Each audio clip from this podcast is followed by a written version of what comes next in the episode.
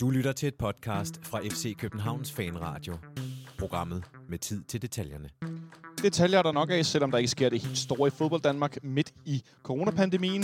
Der er en stor kampagne i gang. Lad os se, hvad der sker med den kort tid efter, vi har optaget i dag. Der er pressemøde i statsministeriet, men det gider vi overhovedet ikke tale om. Nej, vi skal tale om FC København. Vi skal tale om, hvem der bliver kommende FC København-træner. Måske manager, en sportsdirektør. Hvad skal der ske?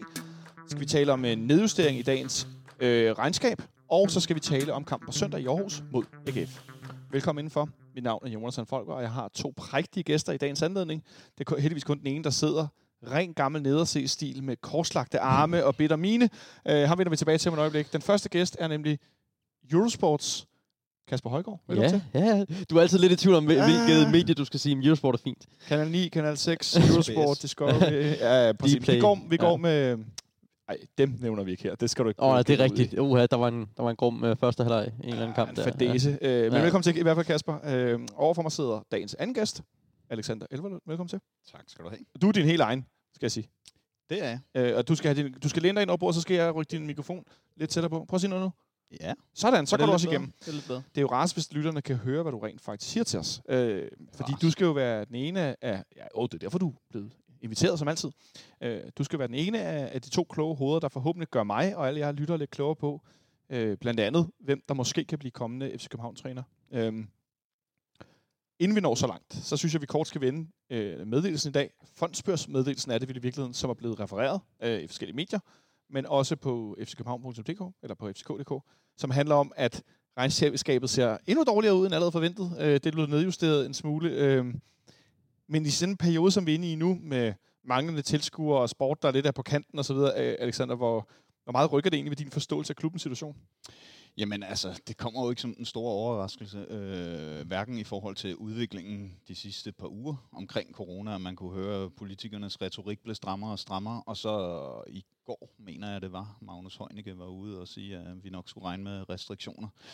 Øh, og jeg forventer, eller jeg tror, at klubben har fået en uh, melding om, at der vil komme det her pressemøde senere i dag, ja. uh, da de har taget beslutning om, at nu går de ud og, og nedjusterer. Uh, og de har måske endda fået lidt information om, at det kan have noget betydning for dem.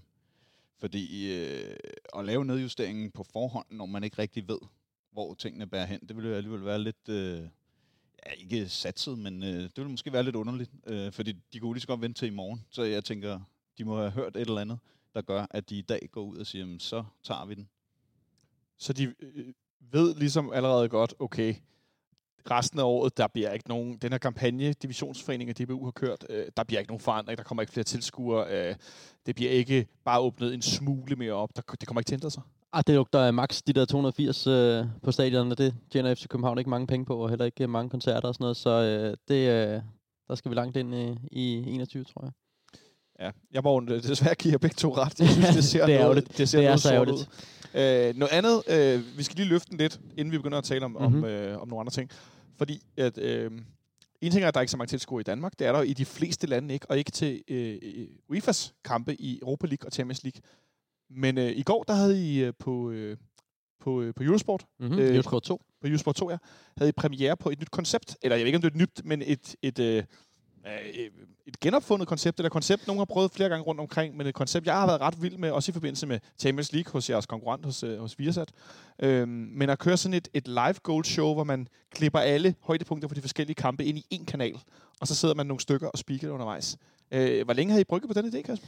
Øh, lige siden øh, FC København øh, røg ud til Rijek. Altså det, og så fik du nævnt det også. Hold da op. Velkommen ja, tilbage. Ja, ej, vi, vi plejer jo med vores Europa League-dækning at, at binde det op på, på de danske hold. Øh, ja. Og så, så typisk er FC København. Øh, og så synes vi måske, at turneringen fortjente en, en anden og, og bredere dækning den her gang, hvor vi kommer rundt i, i alle kroge. Så vi kører stadig nogle hovedkampe på, på sekseren, hvor at, øh, det typisk vil være Arsenal eller Tottenham eller Milan, der, der er i aktion. Og, og så, det, det, det sidste lyder godt. ja, og de gjorde det jo så også godt og vandt over Celtic. Ja, ja, og, så, og så kan vi sådan øh, komme lidt rundt øh, og ud af nogle tangenter på, på Eurosport 2 og den unævnlige øh, streaming-tjeneste. Øh, øhm, og ja, det er egentlig øh, det, det er meget hyggeligt. Vi gjorde det også... Øh, vi gjorde det også sidste år, men der var det bare det rå highlight feed, hvor man inden lige får lov at se goal attempt Milan, og så ved man lidt, hvad der er undervejs. Men her har vi lige lidt ekstra ressourcer på, som kunne, kunne klippe de ting ud, så vi også kunne sidde og blive lidt øh, overrasket over, hvad der rent faktisk gik os i møde. Det var nemlig rigtig fedt, at man ikke, eller man ikke, men i, dem, du sad sammen med i studiet, Mikkel Bischoff, øh, blandt andet øh, Kin Fonuti, øh, og Lars Jakobsen var inde over, de skiftede lidt ud alt efter. De skulle ind og kommentere ind ved siden af, er det rigtigt? Øh? Ja, jeg tror, Bischoff skulle kommentere Celtic-Milan-kampen, øh, og, og Lars Jakobsen kommenterede Tottenham-kampen. Så de skift, der var det flydende ja, udskiftning? Ja, Grausen var faktisk også inde øh, lige i starten af Celtic-Milan-kampen, og så, ja, så efter Celtic-Milan-kampen kom øh, Sakari også forbi. Så der var lidt... Øh, der var lidt andre gæster, som mig og Kian ikke uh, sad og, og blev for kedelige at se på. Øh, men, men I vidste simpelthen ikke, når der var uh, scoret eller ikke var scoret? Uh... Nej, så lavede Kian nogle gange uh, livescore-banditten med... Uh... Ja, jeg så godt, han havde den på sin... Han delte sin, uh, sin iPad, hvor han sad og kiggede på noget transfermarkt ja, noget. Man kunne så, se, at han havde livescoren åben. Siger han, jeg kunne godt fornemme, der kommer et mål nu. Sådan noget. Men det, det, det holdt jeg mig for, for god til. Men øh, jeg vil bare sige, at jeg synes, det var rigtig fint. Især med en Europa League-turnering, som også lider under, at der ikke er nogen tilskuere. Det kunne have været sjovt at se fuld uh, Celtic Park mod Milan. Uh, et, et genrejst AC Milan-hold, ikke fordi jeg skal sidde og, uh, hvor er det fedt, at jeg har faner og alt muligt, men mere et, et genrejst hold, og Zlatan, der kommer til Skotland, og et fuldt stadion med fuld power på, og Jamen, altså, Åh, det var flat. Ej, hvor var det flat, mand. Celtic Park uh, fortjener de der 60.000, eller hvad der kan være, ikke? Det, det giver bare noget helt... Altså, de går, det, det var, var som at se sådan noget indendørs fodbold, ikke? Det var, meget få, det var meget få steder, der var tilskuere. I Braga i Portugal, der var der der virkede det sådan 30-40% besat-agtigt øh, på hver andet side. Havde en grænse på 30%? Jo, så nok været, det har nok været 30%. Øh, og der, øh, der var der egentlig okay stemning, og det, det har vi jo også oplevet i, i Danmark, at man faktisk kan skabe ret god stemning med de der 30%, hvis de bliver fordelt. Netop hvis de bliver fordelt rundt. Men, men, men uanset hvad, vil jeg bare sige, også til jer, der lytter med, øh, i næste uge til Europa League, hvis det ikke er sådan, der er en bestemt kamp, I gerne vil se. Jeg synes faktisk, det er et ret fedt koncept, og det giver den her følelse af, at se, se øh, højdepunkter og mål, mens du ser nogen lave en podcast. Det var faktisk den følelse, jeg sad med, det synes jeg var ret fedt. At det, havde, sådan, det er lidt langstrukne, så kunne man godt øh, gå til og fra. Øh, jeg var ude og lave, øh, hente noget ude i køkkenet og drikke, og så kom jeg tilbage, og så, nå, der var mål, for fanden, det gik jeg klippe af. Øh, men men at, at det er det her rullende, så det ikke bliver det her statiske, nå, nu er den her kamp lidt kedelig. Øh, jeg så starten af, af Leverkusen Nis, og der skete ikke særlig meget. Det var meget, meget... Øh, det, det gjorde du så senere. det gjorde du så senere. Der var jeg skiftet over på jeres fælles Men jeg vil i hvert fald bare anbefale det til næste uge. Jeg synes, det var rigtig fedt. Og det, det vil jeg godt sige, det er ikke fordi, du sidder Hvis du ikke har været, så har jeg også anbefalet det. Fordi der er så lidt fodbold, der vækker øh, bare den mindste smule, smule begejstring lige nu. så noget, der kan løfte lidt tak, og give det glæde og så videre, det synes jeg skulle er, er fedt. Øhm, jeg håber også, det kan give det glæde øh, at tale om, hvem der formodentlig, forhåbentlig, alt efter hvem man er, kigger over på Alexander, bliver den kommende FC København-træner. Jeg synes bare, vi skal starte med et helt åbenlyse. Bruce Svensson har bejlet til jobbet i løbet af ugen. Sådan har jeg i hvert fald fået fortalt, at jeg skal tolke det. Når jeg hører, at han siger, at Nå, men, han udtaler til, til Bold.dk, at Åh, men, ja, det kunne være interessant, og nej, men og, altså, det bliver sådan en, en indirekte jobansøgning. Og så øh, er historien i dag på Bold.dk, at øh, og det skal vi nok lægge link til på vores nye side, kbhfanradio.dk, skal jeg huske at sige efter, når jeg har lyttet til det, eller mens I gør, øh, skal I tjekke ud. At, øh, det, det lyder som, at vi skal betale for ham, og det bliver dyrt at få ham ud af den klub. Er det nærmest en offentlig forhandling, Alexander?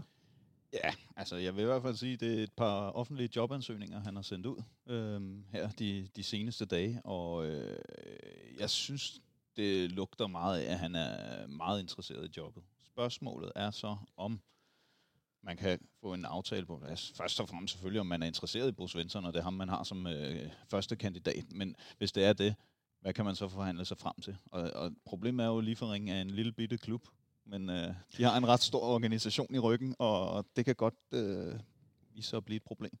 Det kan godt vise sig at blive et problem øh, til dem, der ikke ved det, hvis der er stadig nogen tilbage. Så er de jo ejet af Red Bull-koncernen. Øh, det er sådan en satellitklub, øh, træningsklub. Man leger spillere ud, der er unge, der trænger til kampe, spille, spille, spille, blive bedre, og så sender man dem herned, og så kommer de nogle af dem tilbage til, øh, til, til moderklubben, til nu, altså Salzburg, Salzburg ja, første præcis. Omgang, og nogle gange Leipzig, ikke, hvis ja. de er rigtig gode. Øh, så det er sådan, det, det er faktisk trin 3, eller det nederste level i, i, i Red Bull-raketten.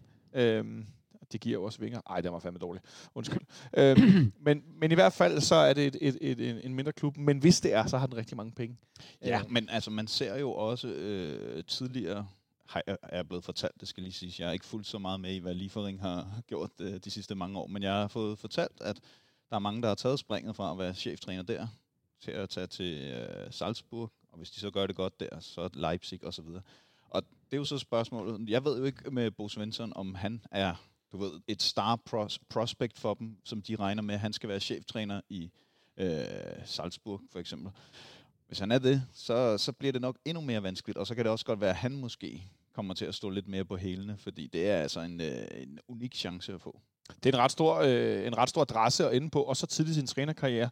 Øh, men Kasper, hvis man bare ser på, at Bo Svensson har havnet der og har været der et stykke tid, er der med succes, var tæt på at, at rykke, hold, ja, rykke jeg holdet tror, det op, bliver ikke? træer i næstbedste række, ikke? så Ja. det er vel ikke så langt fra, uden at kende øh, de fuldstændige strukturer i den øh, række. Du ser heller ikke så meget østrisk anden division. Ja, slet ikke anden division, nej.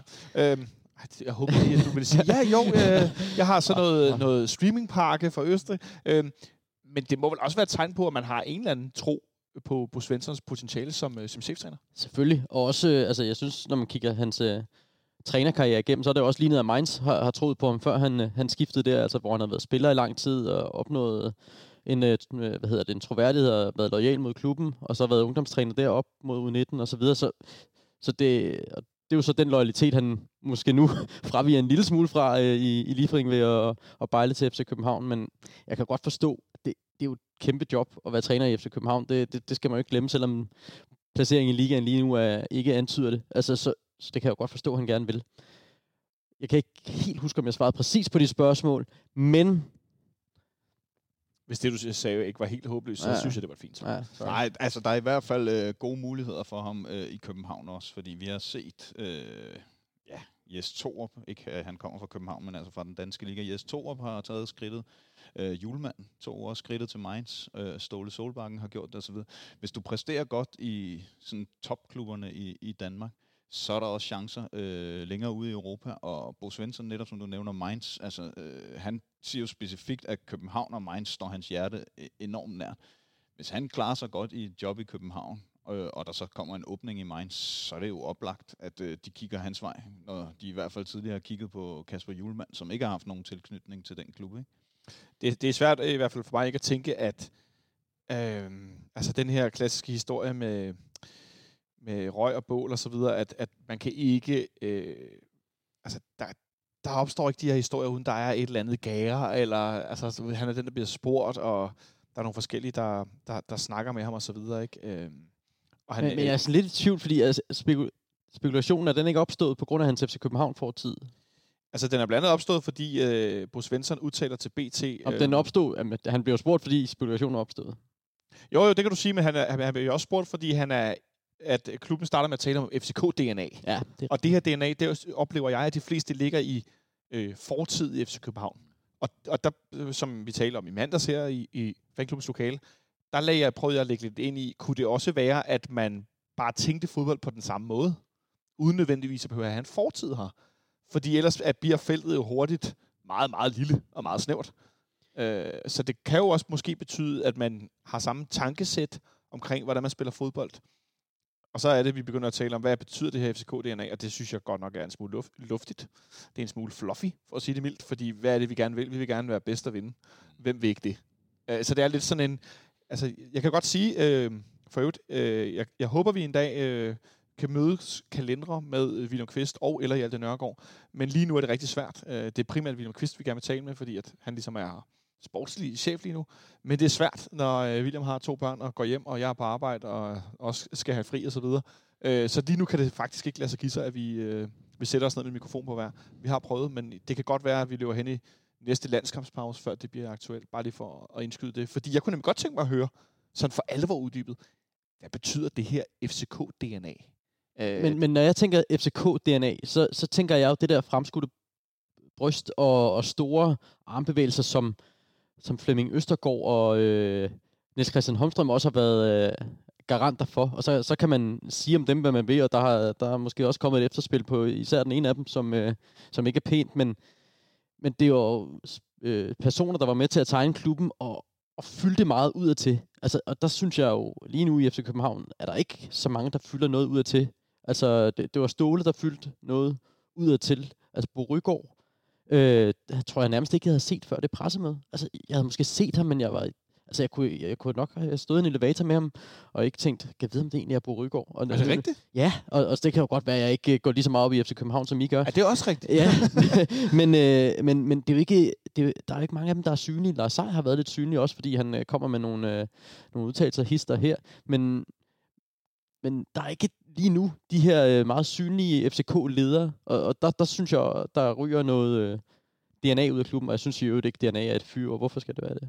Jeg tror måske, det er fordi, det er blevet... Øh, Skambrugt. Over, ja, Ja. skambrugt. Det er blevet sagt men, for men meget. Så, men så siger man bare et andet ord, som, øh, som betyder det samme. Men, ja, Ja. fint det. Det, jeg synes, det er meget tydeligt, at man har lagt en strategi omkring, at øh, Ståle har tegnet butikken udad til. Altså helt op på ledelsesplan, og så har Bo Rygaard så været ude en gang imellem som Ståles chef, og ham han refererede til og udtalt sig i nogle enkelte sammenhæng. Øh, Jes Mortensen har også en gang imellem været talsmand og været ude og, og sige ting, øh, både på tv, men også øh, til de skrevne medier, øh, som måske ikke oplevet så meget tidligere, da det var Christian Volny og Charles osv., fordi så har der været nogle stærkere ledere øh, på, på, i direktørstolen. Øh, så det tror jeg er en klar strategi. Men for at vende tilbage til det med FCK-DNA, jeg er helt enig i, øh, som øh, Kasper siger derovre, at øh, altså skyde brystet frem og så videre. Man har selv sat lidt over på det og kaldt det positiv arrogance. Ikke? Det er jo sådan et klassisk FCK-begreb, eller klassisk, det er ret Det er det vel men blevet. det er det blevet. Øh, og, og det er også sådan lidt det, jeg ser som FCK-DNA, men jeg vil stadig holde fast i, at FCK-fortiden også betyder noget. Øh, og det er svært at have FCK-DNA, når man kommer udefra, fordi man kan da godt få øje på nogle typer i dansk fodbold, som også har lidt den der positive arrogance, eller et eller andet, som ikke har FCK-fortid. Men det er bare svært at se dem i København, og så sige, jamen han har FCK-DNA. Øh, og det er jo også derfor, at de mest oplagte bud, både i medierne og blandt fans osv., det er David Nielsen, det er Christian Poulsen og det er Bo Svensson. Fordi de har FCK-fortid. Øh, og det tror jeg øh, er en stor del af det der øh, DNA-udtryk. Men jeg, jeg tror, FC København har brug for en træner, også i den situation, de er i lige nu, som hvis han kommer ind i et presserum, så skal han helst eje det presserum, som Ståle Solbakken gjorde. Det er Hjalte Nørgaard jo ikke i nærheden af. Og det, det tror jeg heller ikke, Christian Poulsen vil være. Jeg, jeg ved ikke, hvordan øh, Bo Svensson egentlig er. Det, jeg, det er jo længe siden, man har set ham i Danmark, så at sige, og jeg ved ikke, hvordan han vil, vil agere. Man kan også se i, i Midtjylland, og sådan Brian Priske, da han så gik fra assistent til træner i Midtjylland, så, så var det ligesom om, så fik han skjorten på, og så, så rejste han sig lige op på en skammel, og så skete der noget. Det kan sagtens være, at det også sker med Bo Svensson. Det, jeg, jeg kender ham øh, ikke godt nok til det, fordi han har jo boet i udlandet i 15 år nærmest, ikke? Øhm, men men det, det tror jeg, at FC København har brug for. Jeg tror, tror også, at den der trup med, med de spillere, der har så meget, så stort et CV og har prøvet så meget, at det, det er ikke nok, at det er jo 19-træneren, der står og fortæller, hvordan der skal spilles på søndag. Øh, Nej, men og det er vanskeligt, fordi man kommer jo aldrig til at kaste efter, hvordan en træner øh, klarer sig over for pressen. Øh, det, det er sportsligt, der kommer øh, i første række, og det vil det altid være. Og så Helt kan enig. man jo håbe, at nogen kan vokse ind. Altså, jeg synes jo for eksempel Kasper Julemand, da han blev øh, chef, i hvert fald i Nordsjælland, jeg kan faktisk ikke huske ham i Lyngby-tiden sådan mediemæssigt, men der var han... Øh, ikke introvert måske, men altså han var i hvert fald ikke sådan, hvor øh, hans sidste år i Nordsjælland, og også nu som landstræner, der er han jo sådan en lidt power-type i medierne og fortæller de store linjer. Ikke? Ja, jeg tror lige, han skulle lære sådan at kommunikere øh, mere til, til den brede befolkning, end til, til dem, der vidste lige så meget om fodbold som ham selv. Jeg er helt enig med det der, men det, det er selvfølgelig ikke en, der skal gå ind og eje presserummet, men det er også en, der skal ind og eje omklædningsrummet. Det, altså, Christian Poulsen har en super flot fortid, men har faktisk ikke øh, en øh, vildt lang fortid i FCK. Han havde en fantastisk sæson, da han brød igennem. Så blev han jo solgt for et kæmpe beløb. Og så synes jeg, at hans tilbagekomst var til at, Dårligt. at glemme. Jeg, vil- jeg vil bare sige dårligt. Ja, øh, så, så, så, så lang tid har han jo egentlig ikke været i FC København, Christian Poulsen. Og der synes jeg faktisk, at vi glemmer lidt, når vi taler om Bo Svensson. Øh, og nu spiller jeg det her videoklip fra min indre øh, skærm. Øh, du kan tænke tilbage, Alexander. Farum Park. Sommerdag. Vi vinder 3-2. Vi bliver Danmarksmester. Hvem springer med benene op i luften, mens han hæver Danmarksmesterpokalen, DM-pokalen, inde på midten af planen, som anfører for FC København? Det gør Bo Svensson. Det gør Bo Svensson, og det er noget, jeg først lige nu... Det kan godt være, der er mange andre, der har tænkt det. Det er først lige nu, det går op for mig, at det er faktisk en DM-vindende anfører, som vi taler om som eventuelt kommende træner for FC København. Det ændrer faktisk lidt mit billede på. Helt sikkert. Jeg tror, den bliver 4-2. En 4-2, det er også rigtigt. Det gør den også. Øh, Øh, to mål i hver halvleg. Jeg var også meget fuld den I, dag, i, sige. pausen, I pausen tror jeg faktisk, at Brøndby Det er ligger det til at... Brøndby er mester i pausen. Ja, Ja. ja. De, de spiller op i Aalborg. De spiller, de spiller hjemme. AB. Spiller ikke mod AB. Hey, Lyngbys amatør. De spiller, nej, de spiller på, det- det, det, det er sæsonen efter. Det kan jeg ikke huske. Men jeg Der, hvor kan de spiller mod Lyngbys amatør, det er to. frisparksmål lige Ja. inden pausen, ikke? Men, Eller var det øh, lige efter? whatever. Ja, Det var så i vi ud af en 4-2. tangent. Vi kan Altså, godt, vi- altså, øh, Santos vader igennem og scorer. Øh, Jesper Bæk. Er scorer på den lange afdeling for PC. Nu er Monson, er lige gået ud af døren. Øh, det havde da til været fint altid at nævne øh, PC, så bliver han så glad. Og så scorer Morten Bisgaard direkte på frispark. Lars Jacobsen nævner også, at han laver en diagonal til Biskov, øh, mener jeg, øh, som fører et mål med sig. Som I den så kamp. fører til det frispark, som han Ja, sparker måske. Ja, det kan godt være. Øh, og Øh. så øh, laver Jesper Bæk til sidst en mål, hvor han bare sådan chatter den op i hjørnet Mm. fra kanten af feltet. Ej, nu sidder Alexander og smiler med verdens største ja, julelys. i øjnene. Jeg, jeg sidder og tænker på den der guldvideo, der blev lavet med, Ja. ja. med øh, hvad var det, noget Ennio Morricone underlægningsmusik. Og, ja, lige præcis. Den skal vi også lige linke til. Det skal du lige huske mig på bagefter, fordi den, den øh, lægger vi også ud som et lille link til på vores, øh, på vores nye side, hvor man alt det, vi får nævnt undervejs, skal jeg se, om jeg kan huske og notere ned, øh, hvad vi skal smide link til, sådan, så I ikke skal sidde og søge rundt øh, efter det, vi, øh, vi nævner. Jeg synes, det er sjovt, det du siger med Bo Svensson, jeg tænkte også sådan, hvor god var han lige i FCK, og hvor meget gjorde han? Og så, så kigger jeg sådan igennem, og det er bare i Ja. seks sæsoner i træk, hvor han er der, hvor det bliver til øh, fire guldmedaljer og to sølvmedaljer. Så, og, og det er jo i, i kølvandet på Hudson kommer til, og Bo Svensson er, er med til at, at bygge FC København op til at have den dominans, de har haft øh, lige siden, eller i hvert fald indtil for et år siden. Øh, så, så det er jo, han har jo faktisk været med til at opdyrke det, som øh, er på spil lige nu. Så det kunne, der kunne være en flot historie i, hvis han så kunne, kunne vinde det tilbage. Men øh, jeg spiller violin, det gør jeg. Nej, vi maler Øh, med den store pensel her. Nå, okay, fint. Øhm, Fuld power.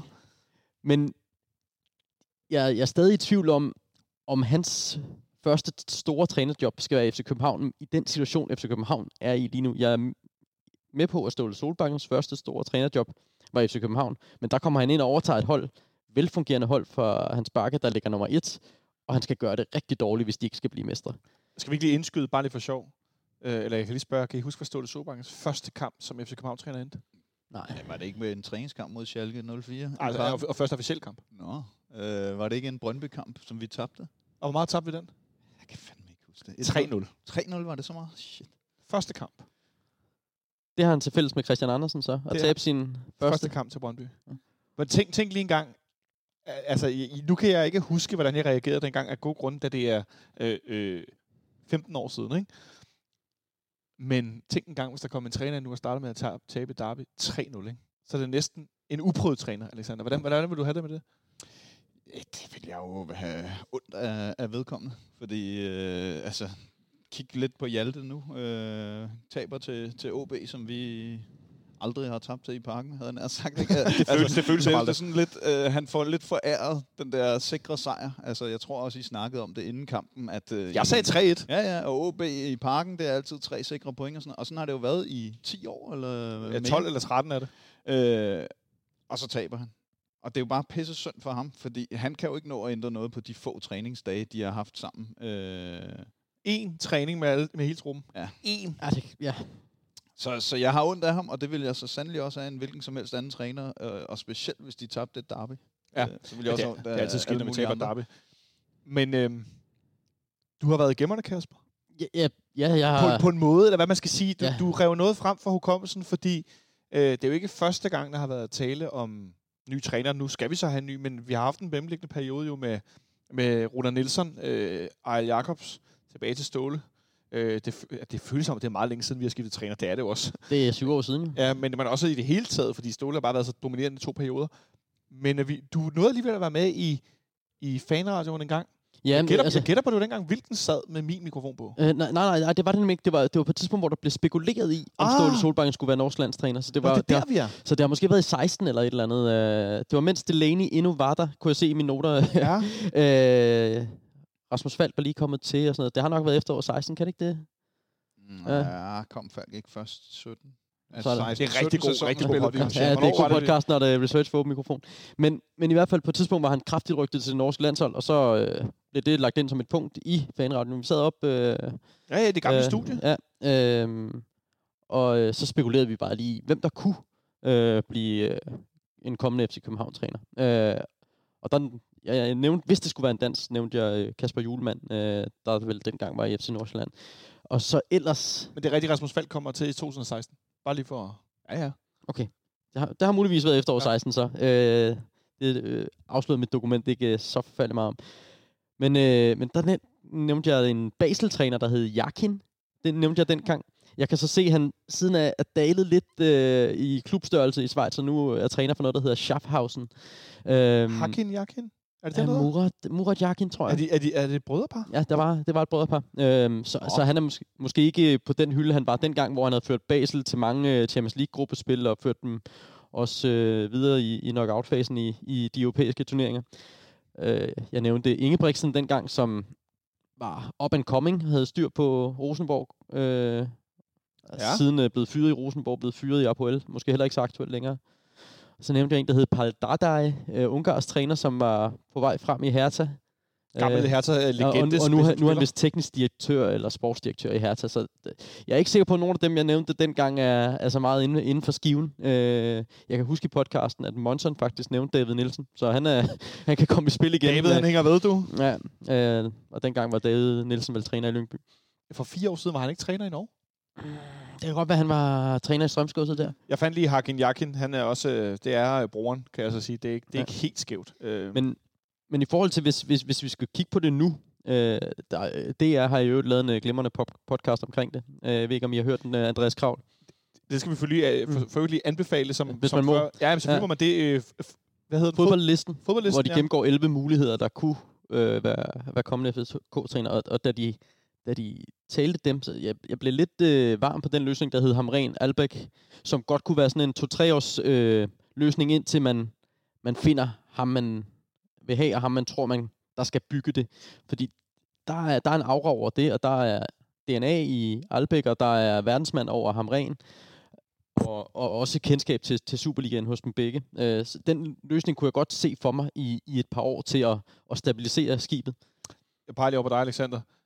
Erik Hamren og øh, den smukkeste svensker nogensinde har levet, Markus Albæk, som træner du. Hvad, helt kort, hvad vil din umiddelbare, hvad vil, sådan fodboldteknisk, hvad vil, eller fodbold-wise, hvad vil du sige til det? Uh, inden jeg kommer til fodbolden, så vil jeg sige, at det vil blive to utrolig velklædte trænere. jeg har du set, uh, Jeg synes jo virkelig, Hamren, han er bedst. Ja, ja. Lige præcis. Han, han bar sit jakkesæt flot, og det ved vi jo, Marken han også gør. Uh, jeg var ret begejstret for Hamren, da han var i Aalborg. Uh, Sverige, det var sådan lidt op og ned, synes jeg. Øh, altså sådan rent spillemæssigt. Øh, jeg kunne sagtens se det virke. Jeg kunne sagtens se det virke. Øh, jeg vil ikke umiddelbart selv pege på, på Hamren, men øh, altså, nu når han bliver smidt på bordet, så er det da ja. ikke sådan, at jeg tænker, at, at det kunne jeg overhovedet ikke forestille mig. Det, Nej, okay. det kunne jeg det, godt. Ja. Der, der er den øh, lille ting, at han er træner for Island lige nu, og Island har en playoff om at komme til EM. Øh, glem, hvem de skal møde. Måske de har set så sløje ud. Eller... Det bliver nødt til at sige. Ja. Island har set... Ah, det er ikke Bosnien. De har set dårligt ud, ja. Island. Øh, I forhold til mest, mest, mest som sådan en... Uden at have dybere kendskab ja. til Islands ja. fodbold, det tror jeg ikke, de kvalificerer sig til. Det må Nej, jeg sige. Men, men nu vandt de over Rumænien den der semi, og nu ja, har jeg glemt, hvem de så skal møde i finalen. Det, det må jeg nok få tjekket op. Og så du har ikke styr på Nations League, hvordan den helt hænger sammen? Nej, der, der, der faldt jeg simpelthen uden for... Øh, det, det har jeg ja. altså ikke kørekort til, det kan godt Nej, det burde jeg jo have. Vi har rettigheder til det, men uh, det er nogle andre kampe, jeg har, har kigget på uh, i de seneste par, par uh, landsholdsvinduer. Det er også lige meget. Hvem blev der ellers nævnt dengang? Jamen, um, dengang, jamen, uh, det, den var igennem Murat Jakin, Ingebrigtsen, ja. Hold Dardai, og så... Ja, og så David ja, Nielsen havde vi David over. Nielsen, jamen det, ja, det var så Monson, der kom med det bud. Tror uh, du, øh, Peter Sørensen var en af dem, vi kunne have talt om? Jeg tror det ikke. Fordi jeg ved, jeg kan huske, der var på et tidspunkt i i forbindelse med Ejl Jacobs, øh, hele det, den der periode, der ved jeg, at Peter Sørensen blev nævnt i flere omgange. Og han lavede vist også et par offentlige jobansøgninger mm. i den periode. Han lavede i sandheden også et par ansøgninger. Jeg kan huske, det var sådan et navn, som man i, i fankreds talte enormt meget om, og der var ja. skarpe fronter trukket op i forhold til, om det var godt eller dårligt, og så videre. Nå, men han minder jo om Ståle, og nej, han er for jysk og bundsk, og han er ikke dygtig nok, og men, ambitionsniveau. Men han har også været på forskellige stadier i sin trænerkarriere, fordi da han, han fører AGF til en femteplads på et tidspunkt, det er jo AGF's bedste resultat i, indtil at de så blev nummer tre netop overstået. Og så, og så øh, fik han Silkeborg tilbage i Superligaen, og den første sæson var god, så rykkede han ned i den næste. Han fik Hobro til at overleve mirakuløst, ja. rykker så ned i den næste. Så det, altså lige nu er han vel ikke på et stadie, hvor man kan retfærdiggøre og bringe ham i spil. Øh, det, det synes jeg vil være, være mærkeligt lige nu. Jeg vil kalde det fuldstændig vanvittigt, ja. øh, Men, for at sige det som det er. Øh, han, han gør sig bedst for mit vedkommende, når han indimellem deltager øh, i podcast-optagelser hos øh, mm. Mediano. Han, han er faktisk andet. rigtig dygtig som øh, medie og ekspert øh, i et medie. Præcis, det, sammen det, med Asger Hedegaard Bøje er de nogle gange et, øh, jeg kan faktisk ikke huske, hvad præcis den podcast hedder. De jeg har tror, det er deres Champions League podcast. Er det det? det? Ja, jo. Men de to som du, bare lige for at anbefale noget mere her, øh, det er virkelig fodbold øh, samtale, jeg. Det er ikke snak, det er samtale på et helt vildt højt niveau. Det, det, det er noget, jeg, jeg føler i hvert fald, at min hjerne, den skal virkelig arbejde for at følge med, og sådan, at de, de gør mig virkelig klogere hele tiden. Altså det synes jeg er så stærkt, og Peter Sørensen øser ud af taktisk forståelse og viden og historik i forhold til, han, er, at han er nemlig en uh, spillet. super dygtig for, formidler, det er vel også derfor, han er en dygtig træner, fordi han, Ja. ja. altså, og- at de point, han har skrabet sammen med Hobro, selvom de rykker ned, det, det, er, altså, det, det er imponerende nok, for det var et hold, som alle hold havde svært ved at slå. Altså, Ja. de, de tabte jo ikke stort mere end en gang i løbet af sæsonen, eller sådan noget, så, så han kan et eller andet. Øh, jeg tror bare ikke, at, øh, det er ham lige nu. Der har, altså, nu snakkede vi tidligere også om uh, Johnny Mølby, og der har været Jonas Dahl og sådan noget. Der har været de der, du ved, Men der, der er har aldrig været op her, som- et år eller to, hvor de har gjort det Nå, rigtig okay. godt, og så, øh, så forsvinder de ligesom sådan lidt ud i intetheden igen. Øh, og det synes jeg måske også Peter Sørensen lidt har gjort, altså på trænersiden, ikke på mediesiden. Nej, det, det er jeg meget enig med dig i. Øh, De her navne, som får ramt en trup, der spiller øh, godt sammen, ikke bare har spiller, men også fungerer godt sammen. Og så passer det lige til, til trænerens øh, filosofi, fodboldfilosofi. Og så får man lige lavet en, to gode sæsoner, og rykker måske op, har en god første sæson, Jonas Dahl, og så, pff, så ryger det bund igen. Ikke? Det, Øh, Det er ikke der, vi er. Erik Rasmussen er et øh, lidt tidligere eksempel. Erik Rasmussen er et rigtig godt eksempel. Øh, hvor- hvordan, er, hvordan er det, den er? Nu er de nummer et i, i Aarhus efter fem runder, inden med at rykke ned. jeg tror, det er nummer et, efter de har vundet 1-0 herinde i parken. Og dengang 2009. Ja, Med og, Jakob og, så, Poulsen dengang. og, ikke? så, ja, og, Og Gravlund. Og, og Martin Jørgensen, og det er jo 09 ja, 10 09. sæsonen. Det, er- det er 09, fordi det, det var... det, det, Indtil, det, de for, har, indtil for nylig var det VM nemlig også sidste gang, nogen, et hold havde vundet herinde. Ja. Indtil de slog os jo for nylig, for lige at have Ja, været rundt i det 4-2, lort også. ja. Ja, og Ja. AGF rykkede altid ned i VM-år. Ikke? Var det ikke i 6, 10, og 14. Jo. 14? Jo. Og så gjorde de det så ikke her i 18. Nej, der er mange ting at, at, at, at gå efter i forhold til nogle regler. Det er ikke altid, de passer en skid, men det er meget sjovt, når det gør. Så der er nogle navne i spil. Nu taler vi om Bo Svensson før, også kvæg af de her udtalelser. Der bliver, øh, jeg får lyst til at sige, lavet lidt lobbyarbejde, både for ham, men også den, den ene og den anden vej. Øh, det er lidt spændende at følge med i. Men, men jeg synes jo, han er... Vil du spørge mig? Undskyld. Ja, til at afbryde. Jeg synes jo, han er et relevant navn, medmindre den bliver rigtig dyr for livringen med, for jeg tror... Altså, jeg sad... Der er jo en forrygende liste inde på Transfermarkt, hvor man bare kan sige available coaches, og så, så er der ellers uh, Pochettino og Valverde, og, og der ned efter, uh, alt efter hvor, hvor dygtige og de er, hvornår de er blevet fyret.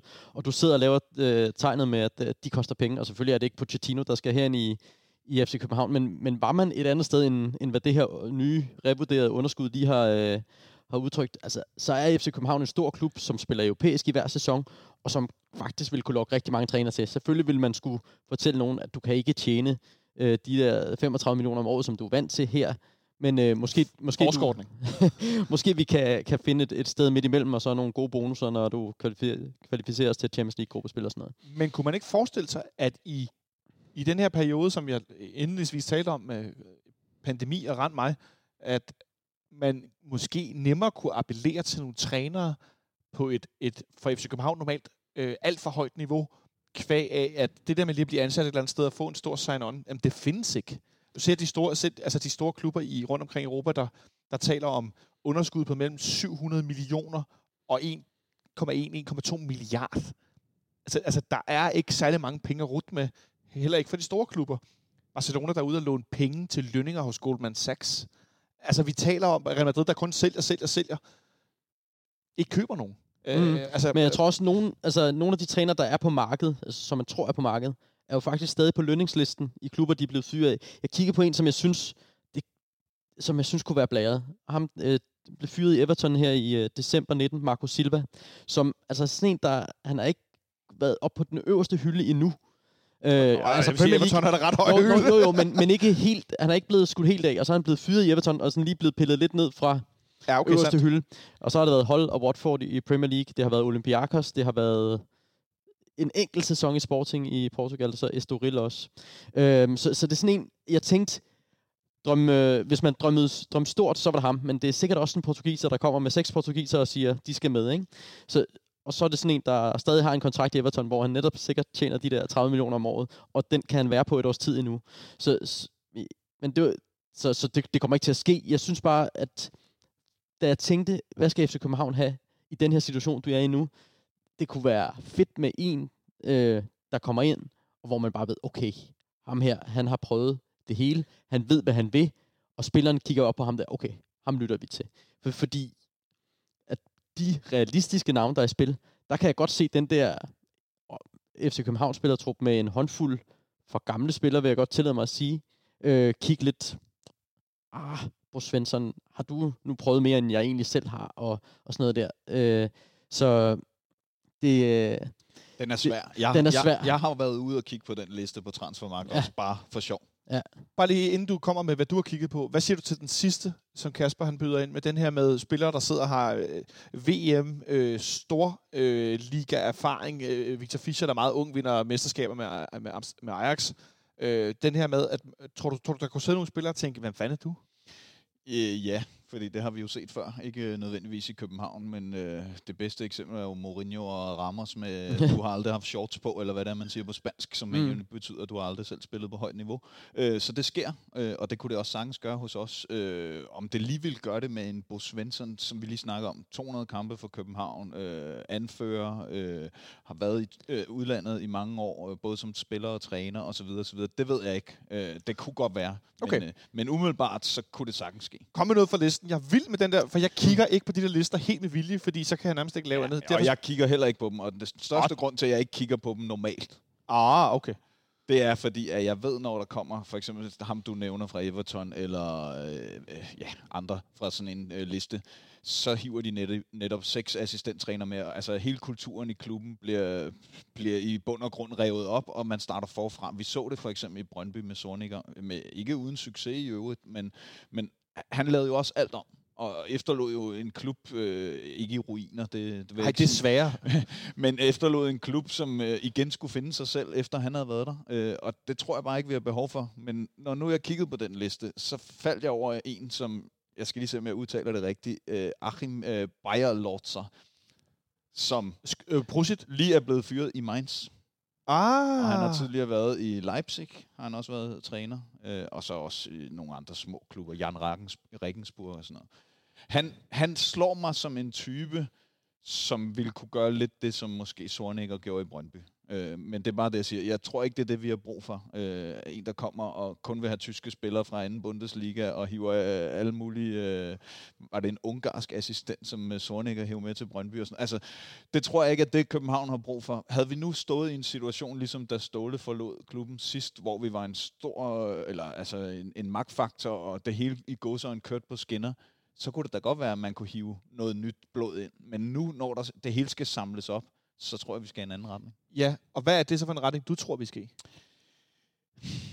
Jeg synes, det er svært. Altså, jeg tror, at vi ender med en af de tre navne, som øh, vi har talt med, og, øh, eller jeg har nævnt Bo, øh, Bo Svensson, Christian Poulsen, David Nielsen, og øh, altså, David Nielsen bliver svær. Han har jo sagt direkte, jeg skal ikke til FC København. Ja, ja. Men øh, det, har det, jeg, det har jeg jo det selv jeg også flere gange argumenteret mod, fordi jeg synes, der er nogle helt tydelige ting, der peger mod det. Ja. Blandt andet, øh, altså helt simpelthen spillestil. Han, han er ikke så interesseret i at have bolden. Nej, nej. Og vi får det, bolden. Det, det, du, du skal ikke sætte træner i bås, fordi de gør noget et sted. Jamen, han har jo gjort det i Lønby og i Aarhus, og han har ja, faktisk også han, gjort det i Norge. Jeg, jeg tror, han er meget, meget... Øh, er det ikke tre klubber, hvor han har gjort det samme? Jeg tror han er fleksibel. Ja, ja jeg tror, han er meget fleksibel, og jeg er ikke sikker på, at han gjorde det i Norge.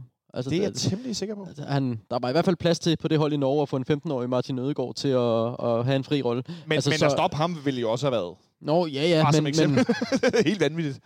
Jo, jo, men, men det, det gør du ikke i et hold, der bare står og, og pakker sig ned. Det, det men, er jeg med på, men, det, men det, det handler mere om at spille i længderetning uden bolden, end det gør, men, men jeg at synes, vi tit har den rigtig meget kvæg modstanderen i Superligaen. Tja, altså, jeg, jeg synes... Jeg, jeg tror, man skal passe på med de der statistikker med AGF, med at de, de kun kan vinde kamp, hvor de har bolden mindst, fordi det, nogle gange er det jo også sådan, at når man kommer foran 1-0, så, så lader man de andre have den. Men, men som Benjamin Dane fandt, at i sidste sæson var AGF ikke engang i top 6 over boldbesiddelse i Superligaen. Det er altså ikke meget. Nej, det, og det er det ikke. Og, og det hold, der, der skal vinde mesterskabet øh, tre ud af fire sæsoner eller sådan noget, skal også være blandt de to-tre, der har bolden mest. Så, sådan er det. Men det, det tror jeg ikke, han er modstander af. Altså, det, jeg tror ikke, du skal sætte ham i bås. Det. Men hvad vil du så sige til øh, øh kontra Bo Svensson, sådan, øh, øh, jeg vil kalde det jobansøgning, indirekte jobansøgning, at David Nielsen siger klart, at jeg skal ikke til København. Det er ja, vel... Det, øh, ja, og det, men det er jo også loyalitet mod en, en klub, han forlængede med for et øh, halvt års tid siden. Øh, eller en loyalitet over for en klub, han øh, har forlænget med. Og, og, ja. det, og det, det skal han jo sige. Altså, det, det, det synes jeg, han, ja, han skal sige i den situation. Selvfølgelig skal han det. Øh, men omvendt tror jeg også, at han lige nu tænker, at det er nok et skridt ned her og nu. Men på den lange bane ved han godt, at det øh, sandsynligvis kunne være et skridt frem. Men, øh, men altså, han er også dyr at købe fri jo. Altså ja. AGF, hvis de ikke vil, vil sælge Kasper Højer et år før kontraktudløb for 12 millioner eller 15 millioner til Zagreb, så sælger de da ikke David Nielsen til FC København øh, for, for mindre tre år før hans øh, trænerkontrakt udløber. Selvom jeg er med på, at spillere ofte går for større øh, øh, priser end træner, så, så den, den vil blive dyr for, for FC København, hvis de skulle have David ud af den kontrakt der. Og det er allerede lidt dyrt med dem, der er kommet ud af en kontrakt. Øh, ja, det er dyrt nok at betale øh, Solbakken øh, resten af perioden, ikke? Ja, og Borte Viking også, skal også have nogle penge, selvom det ikke er i nærheden af samme beløb. Så det, yes, der ryger nogle millioner. Millioner. Der ryger millioner til Norge. Der ryger ja, nogle millioner og, der, til Norge. og der ligger også masser forankret i spillertruppen, som ikke rigtig bliver omsat til spilminutter hos dem alle sammen i hvert fald. Det kan vi godt, det kan vi godt lige vende, inden vi skal kigge frem mod kamp på søndag. Der er ikke lang tid til transfervinduet åbner igen. Kunne man forvente en, en god gang øh, svingdør i FC København til vinter? De har det ja, jo godt, de spiller. ja. øh, altså, der er jo i hvert fald øh, rigelige forsvarsspillere at tage. Øh, altså, udfordringen er, synes jeg, at man nu i de sidste tre-fire transfervinduer har snakket om, at nu skal vi genopbygge og ud med spillere og købe nye ind. Og, og det kan bare ikke fortsætte. På et eller andet tidspunkt bliver man også bare nødt til at sige, nu er det de her spillere, vi satser på, fordi vi kan jo se de bedste FC København-hold. Det er jo dem, der har spillet sammen to-tre år. Kig på FC Midtjylland nu. Hvis du ser stammen på deres hold, Svirchenko, Scholz, øh, Unieka, de der, øh, Jesper Hansen, de har også været, øh, jeg tror, at den, der har været der kortest tid, er vist øh, Scholz i to år eller sådan noget, men de andre har været der meget længere. Øh, og der skal være noget stabilitet til, og noget kontinuitet. Men er det ikke svært, hvis man kommer ind som ny træner og eller en sportsdirektør i løbet af de næste, øh, lad os sige 14 dage, måned, halvanden måned, et eller andet, og så stå til vinter og sige, nej, I holder bare spillerne, og så skal vi ikke købe noget nyt. Det kan, kan, det kan man vel heller ikke, eller hvad? Nej, det, han skal vel have, have lovning på, at uh, der kan ændres på en 2-3 positioner i, i januar. Det, det, det skal vel også uh, kunne, kunne lade sig gøre. Og det, det så vi jo uh, Roy Hodgson i den grad gøre, da han trådte til i år 2000, ikke? Altså, hvor han henter Jakob Larsen, Ståle Solbakken og Pascal Simpson. Altså, det er jo, det er jo nærmest det. Og det ændrer jo holdet fra at være øh, nummer 8 til at vinde mesterskabet. Så, så du kan jo godt, godt hente to, to, tre gode spillere. Så, så meget impact havde Pascal Simpson trods alt heller ikke. Men hente to gode spillere, som ændrer hele øh, truppens øh, udtryk. Man skal ikke glemme Pascal Simpson. Det er i hvert fald den historie, øh, jeg har lavet mig fortælle, at hans øh, status og funktion i, i truppen, især på træningsbanen, er i virkeligheden måske en af de mest undervurderede i historien i FC København. Fordi han betød så enormt meget for træningsmiljøet og for prof- professionaliteten i truppen.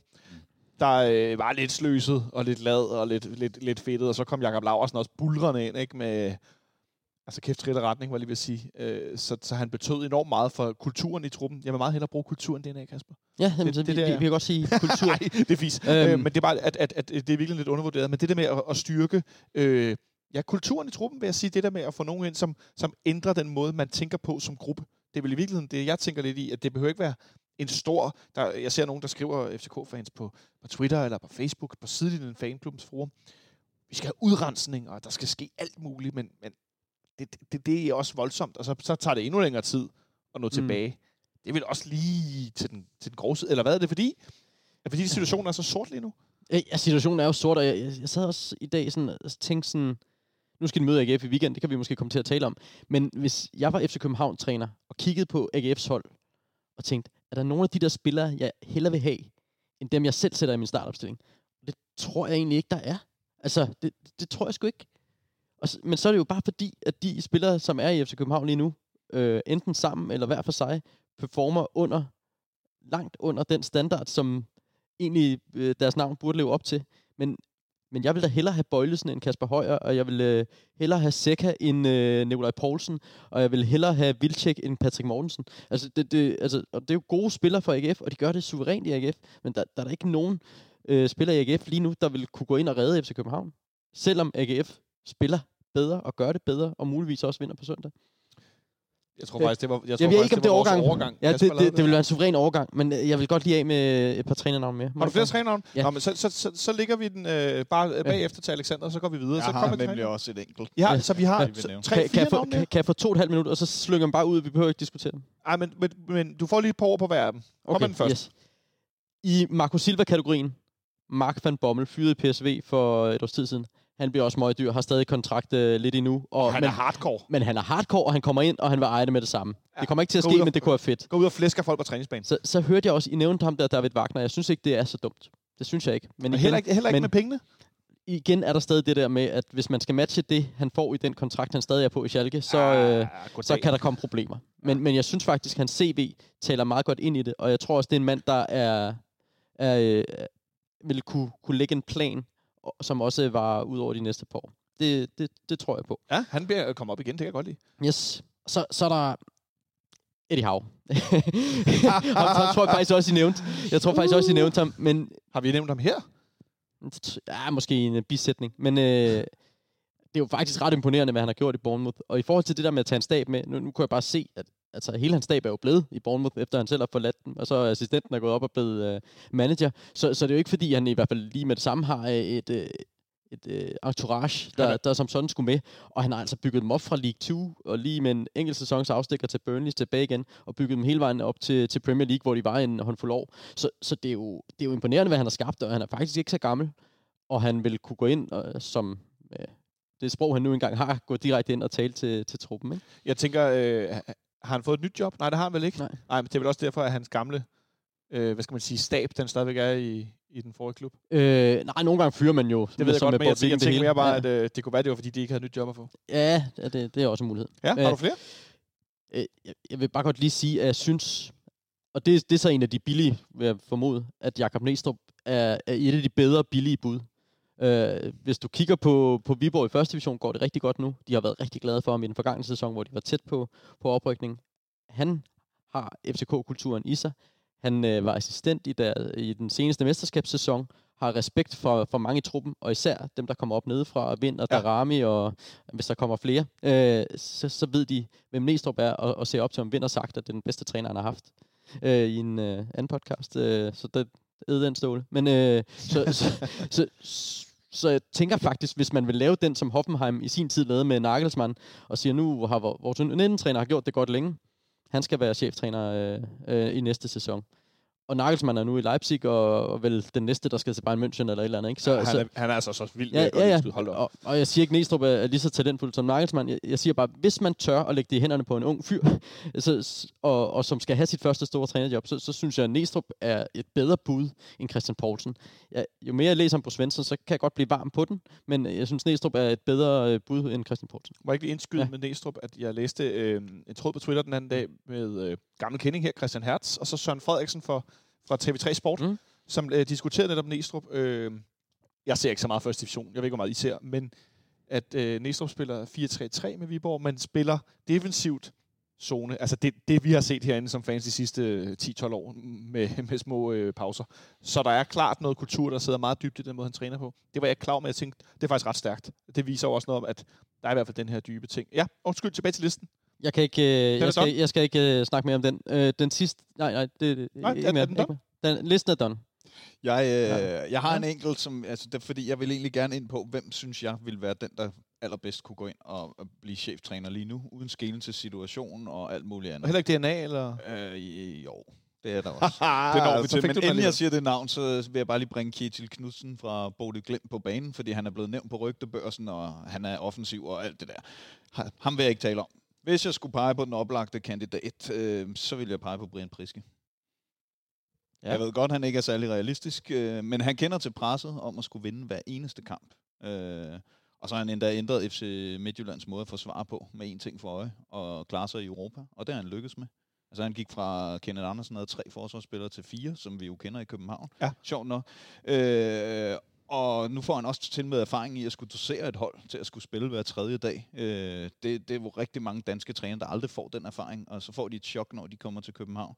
Øh, og så sidst, men ikke mindst, så har han været i København. Altså i 14 måneder, godt nok kun. Men altså, Men der var også et mesterskab, ikke? ja ja, og det er det. Og Og, og jeg mener, hvis jeg skulle pege på den kandidat af alle, som jeg har hørt, så er det ham, jeg vil sige. Han er den mest oplagte. Øh, han er ikke den mest realistiske, men han har øh, alle forudsætninger for at gå ind og gøre det godt i København, tror jeg. er han måske øh, inden for den ramme, hvor vi har som fodboldklub råd til at betale en træner, den mest urealistiske? Han, han sidder i Herning nu og har lige øh, CL-gruppespiller, Danmarksmester, og han har alt. Ja. Hvorfor skulle han tage herover? Og det kom, Jamen, kommer det- han heller ikke til. Nej, det, jeg nej, siger. det det, jeg mener. Det, det gør han jo ikke. Han vil, han vil i hvert fald tidligst gøre det til januar, fordi han skal da lige have de der øh, fem 100%. næste Champions League-kampe med. Han skal lige ikke score nogen mål i Champions League i fem kampe 90. ah, må ikke de uh, spiller 1-1 hjemme, Ajax eller sådan noget? Det er en helt anden. Du- havde lidt mere fra listen der, der, der, du havde Nej, nej, nej, det var fordi, det, det var bare, da vi har skrevet sammen, der, der, der diskuterede vi bare, om, om, om træneren var rækkefølgen på træneren og sportsdirektøren. Ja. Men det er, jo, det er jo så, hvor meget bestyrelsen vil lægge i, i den øh, blå bog, som øh, Johan Lange og Ståle Solbakken har, har skrevet, og hvor de har defineret, hvad FCK's kultur er, og hvad FCK's spillestil skal være. Øh, og og hvis, hvis den ligger fast, og hvis det er det, man, man stadig vil, vil, vil sigte efter, så skal en sportsdirektør jo også købe ind på det, tænker jeg. Thanks for tuning in to FC Copenhagen Fan Radio. You're listening to Atiba Hutchinson. Det gør vi desværre ikke. Han måtte gerne være her, eller Ja. spille på søndag, eller noget. Det, det ved jeg godt, jeg har sagt mange gange, når vi spiller den der lille breaker, men åh, jeg savner sgu Hodge. De der lange ben. Øhm, han kunne godt have spillet på søndag, tror jeg. Øh, det havde været fint i, i Aarhus, og vi skal over og spille. Det kan godt blive rigtig, rigtig grimt. Og tænk, grunden til, at jeg tænkte, det var fint at gå videre der, øh, Kasper, det var blandt andet fordi, at når man kigger på, øh, på holdet lige nu, øh, jeg var jo sikker på, at det at få Ståle ud, give dem noget, der var landskampspause, de fik trænet nogle om holdt lidt fri, det gik meget godt mod Nordsjælland. Så kunne man løfte, og de kom med noget energi, og Hjalte kvist ud på anlægget, og nu skulle de sagt med ud og slå til Søren. Og så kom de herind og lignede nogen, der lige... Der var nogen, der råbte bøh til dem i en mørk kælder, hvor øh, de alle sammen var mørkerede, ikke? Øhm, jeg kan jo lige så godt sige det, som det er. Jeg frygter, at vi tager til Aarhus på søndag og får en ordentlig røvfuld. Jeg tror, at øh, det er det, som den frygt, som David Nielsen også tænker, at FCK-spilleren har, og det, han vil sige i sin team talk lige inden AGF-spilleren går på banen. Nu går I ind og smadrer de der. De ryster, og de skal bare fra start af bankes helt tilbage, og de skal presses fuld bane fra første sekund. Det, det tror jeg godt, øh, at man kan forberede sig på. Det siger han 100%, og det var også det, vi så sidst. De var i parken, hvor de vandt 4-2. Mm. Øh, det var præcis det, der skete, og det kommer også til at ske. Øh, jeg nævnte sidst, jeg var inde i den her podcast, at FC Københavns vej ud af den her tristesse sandsynligvis var, om man skulle spille lidt mindre naivt. Fordi nu har man set senest igen mod OB, igen og igen, man har en masse boldbesiddelse, bevæger sig frem på banen, bum, så får man kontrakniven. Og Men- det sker igen og igen, og det er AGF om nogen eksperter i. og nogle gange, når man har det rigtig, rigtig svært, så, så handler det også om at øve i at spille til 0. Og det kan godt være, at det, det er svært mod et AGF-hold, som faktisk har været rigtig dygtige til at lave mål øh, i hele 2020 faktisk. Men, men det, er jo, det er jo noget, som øh, FC København virkelig har savnet. Ja. Altså, at spille til 0 og holde modstanderen på minimalt af chancer, det, det er altså længe siden. Jeg kan ikke huske, hvornår. øh, men det kan jo godt være, at, at det er sådan, man skal gå ind til den kamp mod AGF og sige, ja, yeah, vi er underdogs, og så må I, så må I komme. Men det gør AGF jo ikke. Det er jo det, som jeg talte om tidligere. Det, det, det gør de jo i stor, særlig stor grad ikke, så vi vil jo formodentlig igen ende med at have en del boldbesiddelse. Og hvad skal vi så gøre med den? Spille den rundt.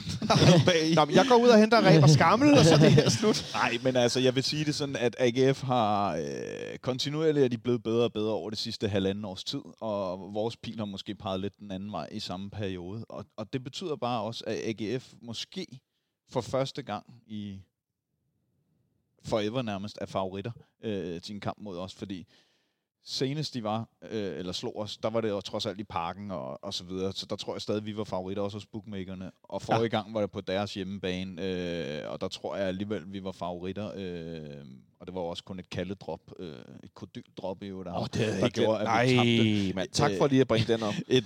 1-0. Øh, jeg tror, AGF lige nu som favoritter, øh, eller vi skal hænge vores hat på, at AGF som favoritter måske ikke gør det, de plejer. Fordi de har været vant til, at de har alt at vinde mod FC København. Hvor måske den her gang, der har de lidt mere at tabe, end øh, de plejer. Bliver øh, nej-hatten for stor? Øh, nu sidder vi to fans, Kasper, og vi, alt er sort, og det er også mørkt udenfor. Øh, men at det hele er virkelig slip, øh, slemt, og, oh, og hvad skal der ske, og kan vi overhovedet noget? Vi spiller den rundt, og der sker ikke noget. Bliver det også det her lidt, du ved, øh, fans skal godt være lidt pessimistiske, øh, Nå, men, men, men er det i virkeligheden realisme, det vi, det vi bringer? Ja, det synes jeg da. Jeg synes, at det er realistisk at sige, at AGF er favorit af den kamp. Det, det, det vil jeg da også synes med, med baggrund i alt, hvad der er sket i de seneste 10-12 måneder. Øhm, jeg, kan, jeg kan også sagtens se den her kamp øh, ende som et kryds. Jeg synes, AGF har jo ikke et hold, der i åbent spil, når modstanderen har fået stillet sig, så er AGF jo ikke verdensmester i bare at spille sig igennem. Altså, AGF er gode i brydningerne, og de er gode i, i kontrafasen, og de, øh, de er også blevet rigtig dygtige på dødbolde. Og, men, men de situationer kan man jo undgå, hvis man, øh, hvis man øh, kan, er i stand til at pakke sig en smule. Der fik øh, Kasper lige nævnt øh, tre ting, vi er dårlige til at forsvare mod. Det er brydninger, øh, kontrafase og øh, dødbolde. Har du nogen, som, hvad, hvad vil du hænge din hat på på søndag, Alexander? øh, at Patrick Mortensen har en dårlig dag, fordi han har jo scoret i hver eneste kamp i den her sæson. Altså han er også topscorer i Superligaen, øh, og vi giver jo to-tre mål væk i hver eneste kamp. Så øh, har Patrick Mortensen en dårlig dag, så kan det da godt være, at vi kan slippe afsted med et kryds. Men, men, ja, men, men nu nævnte vi det også før. Øh, altså, spiller for spiller er FC København jo stadig et bedre hold end AGF. Og det, det kan man jo også hænge sin hat på. På papiret. Ja, ja.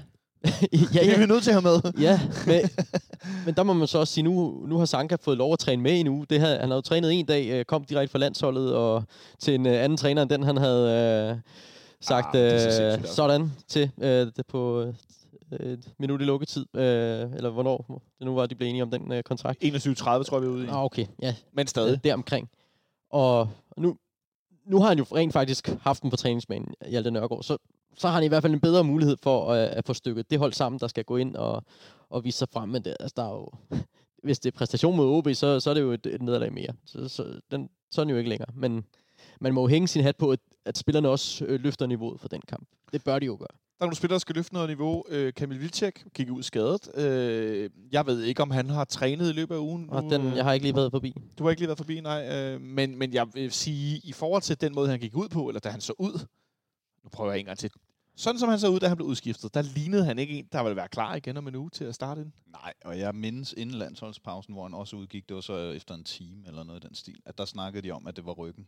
Og det var det jo også den her gang, ja. hvor det er allerede efter 20 minutter. Og når det er hen over en lang landsholdspause, altså 14 dage, i godsøjne ikke er blevet bedre. øh, Nu ved jeg godt, at han også fik et slag og alt sådan noget. Men noget sker igen. Det tyder på, at det er lidt mere kronisk øh, på en eller anden måde. Gud. øhm, og det, det bekymrer mig lidt. Man kan sige, spillemæssigt, det har vi også talt om tidligere, det er jo ikke, fordi han bidrager med vildt meget i vores spil.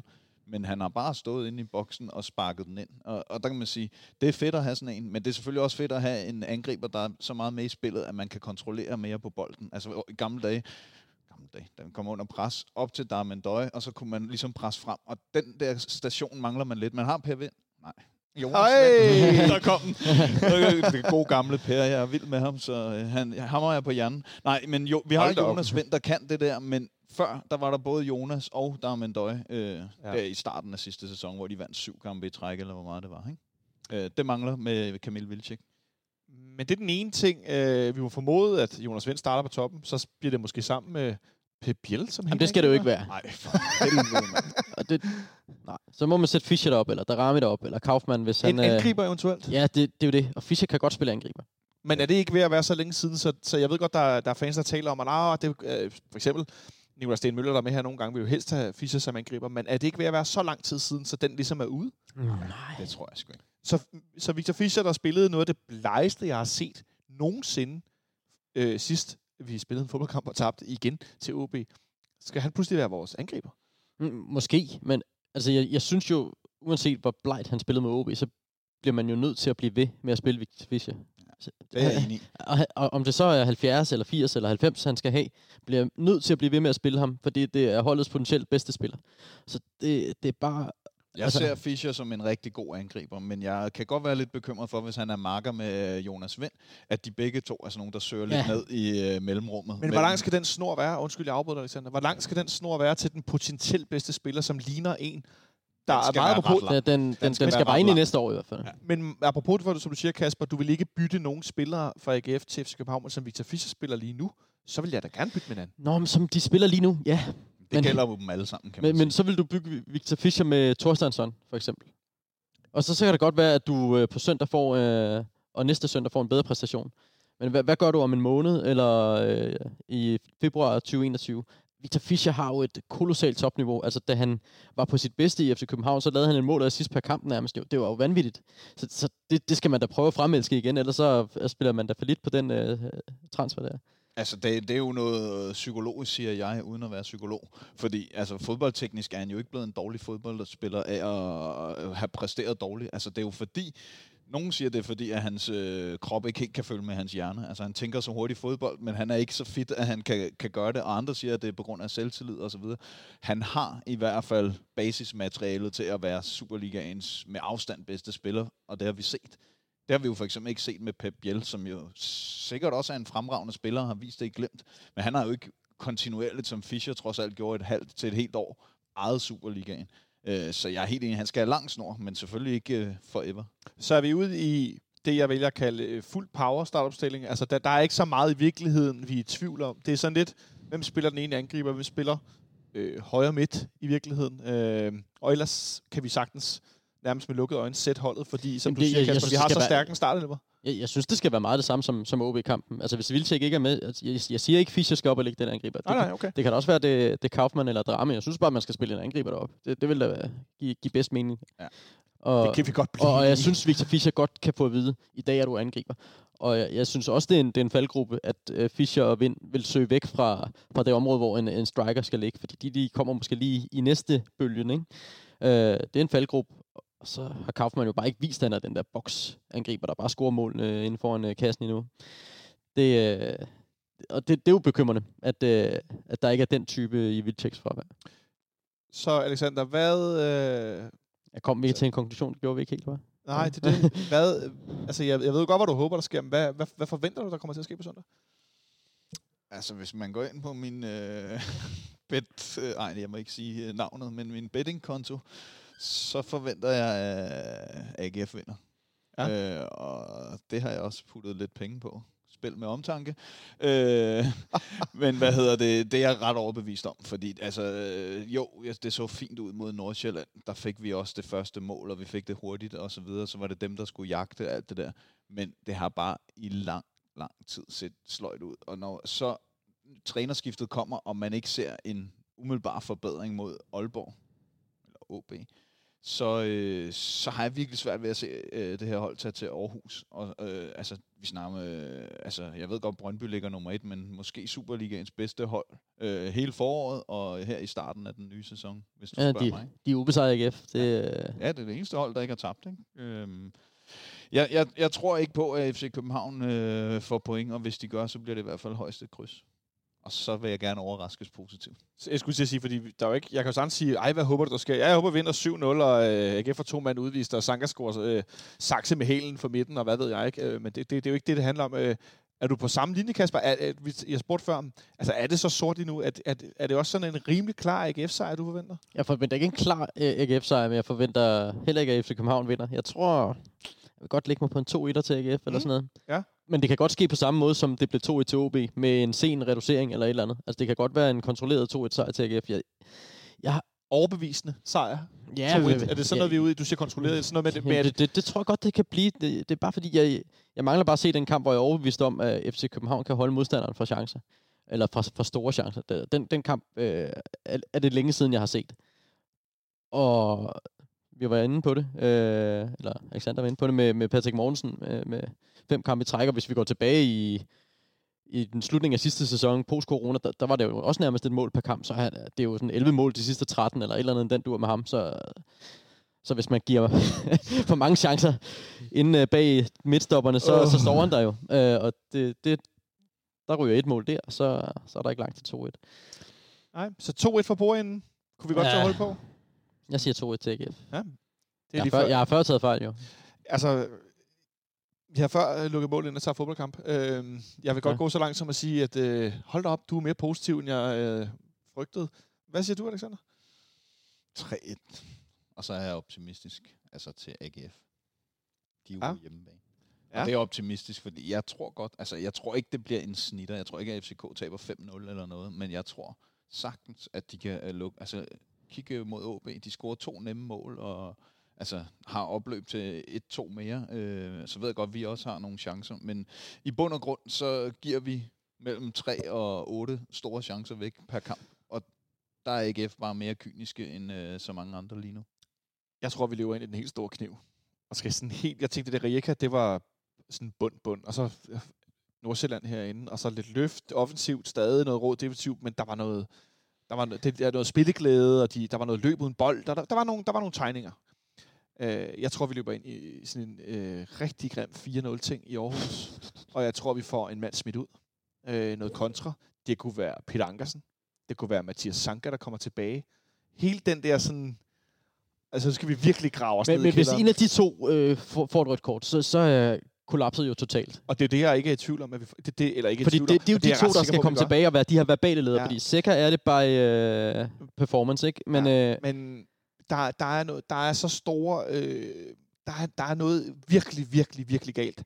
Og jeg bliver nødt til at sige, det blev ikke bedre af, at vi fyrede Ståle Solbakken. Jeg synes stadig, Ja, ja, at det tværtimod blev værre. Det, det er nemt at sige på bagkant, men jeg er 98% sikker på, at FC København havde vundet over OB med Ståle Solbakken som træner. Altså den her sejr, som du nævner over Nordsjælland, hvor der er gode positive tegninger, er sejne, så lidt og fremad. så, så det her med Sanka, der, der kommer ind, som, som lige skal løfte det defensivt lidt.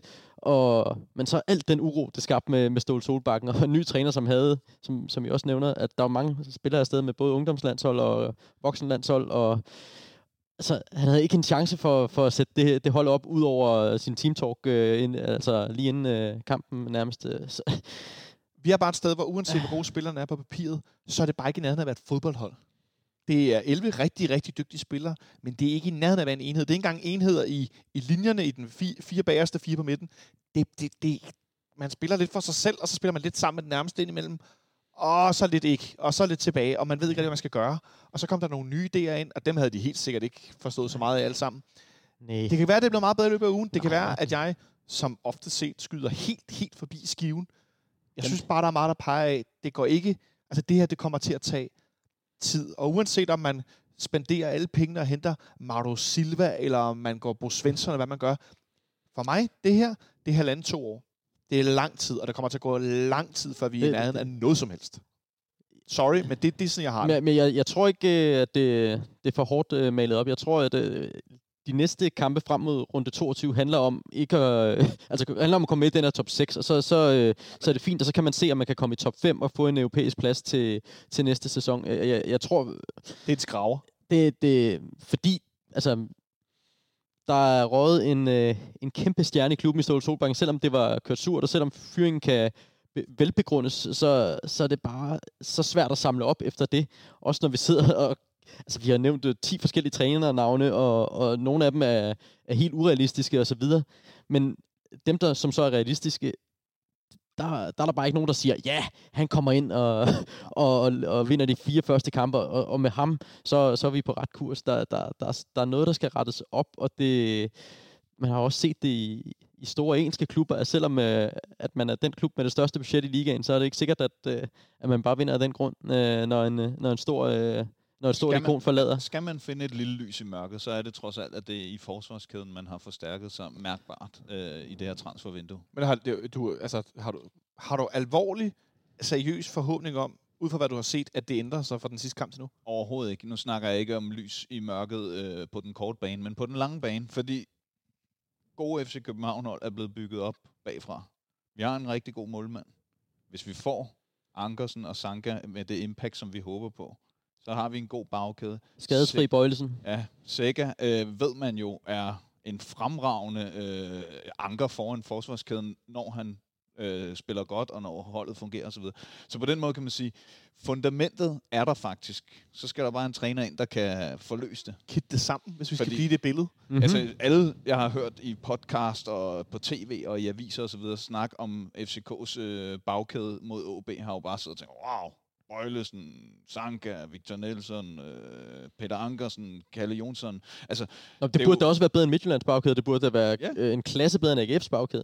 Men der er, jo, der er jo så også bare nogle kæder foran og noget, noget sammenhængskraft, som... Lige præcis. som, men, øh, ikke men nu er der i eksisterer. hvert fald hentet to Ja, ja, ja. ja. til den bagkæde, og kan man få bygget på der, så er det trods alt et godt sted at starte, i stedet for at starte op i toppen øh, og score en masse mål. Men hvis man så lukker dobbelt så mange ind nede i den anden ende. Så måske det bedste, der kan ske, det er 0-0 på, på søndag. Det vil jeg faktisk synes var fremragende.